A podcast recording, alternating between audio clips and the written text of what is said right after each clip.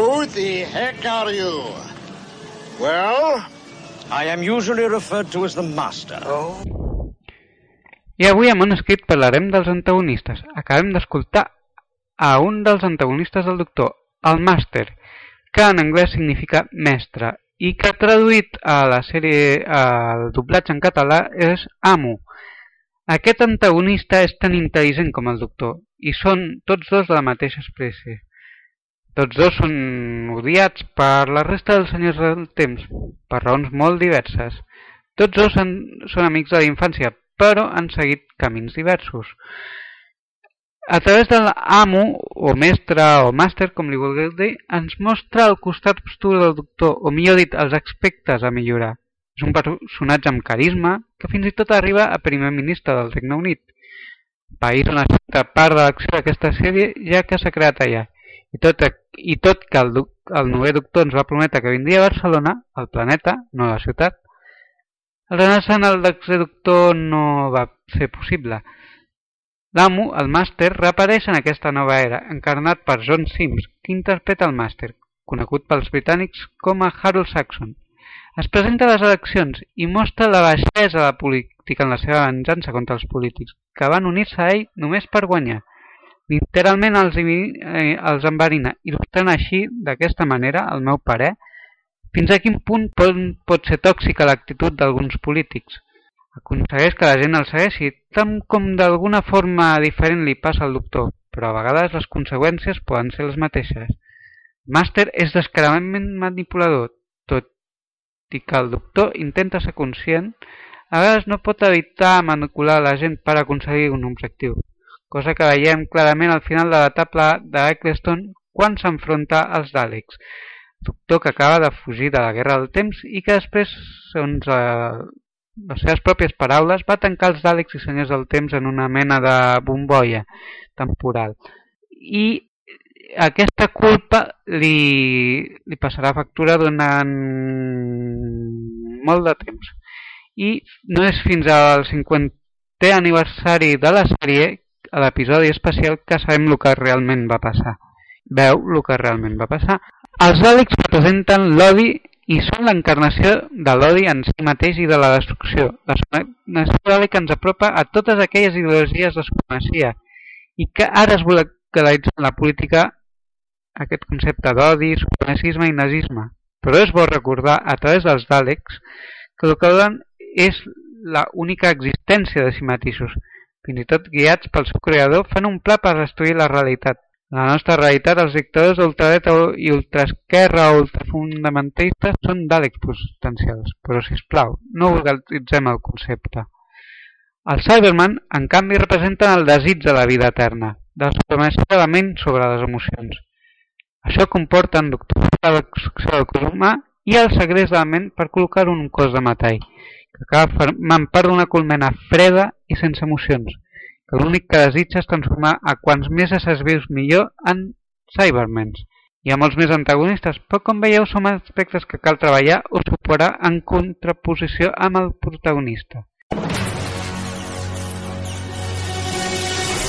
Em dic John Crichton. Es dic perdó. Soc astronauta. Vaig caure dins d'un forat. En un punt recòndit de l'univers. Millor sobreviure. A bord d'aquesta nau. Una nau De presoners fugitius. Tenim a John Crichton en una altra banda de l'univers i els seus antagonistes ens mostren com pot acabar una obsessió. L'obsessió d'en Christ és venjar la mort del seu germà i no escoltar raons, posant en perill la vida de tots davant d'un enemic que s'alimenta de la por, que aquest enemic és una clara representació dels psicòpates que d'alguna manera utilitzen la por per manipular i obtenir el que volen.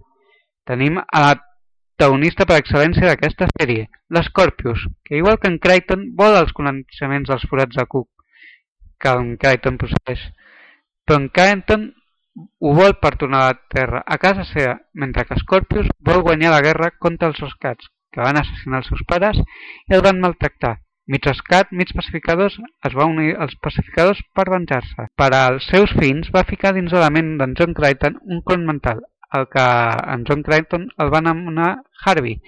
En alguns moments va aconseguir controlar la ment i cos d'en Crichton, posant en perill a tots els seus companys, aliat i enemic alhora, protector i enemic, Aquest fet fa que d'alguna manera l'Scorpius i en Crichton es coneguin.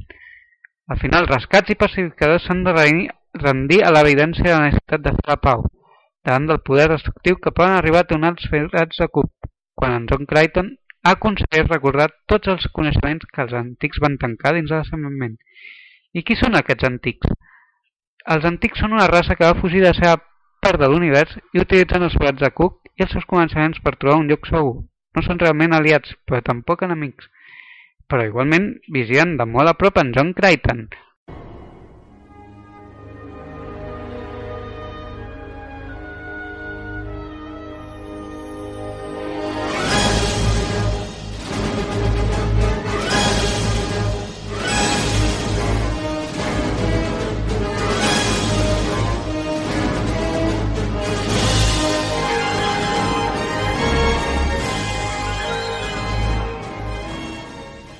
Tenim els antics també, un antics que en aquest cas semblen els humans, que també fugen de la seva galàxia per un enemic, però aquest aspecte no el tractarem en aquest programa, però com veieu la ciència-ficció té moltes coses en comú forats de cub, en Stargate i Farscape, i antics en Stargate i Farscape.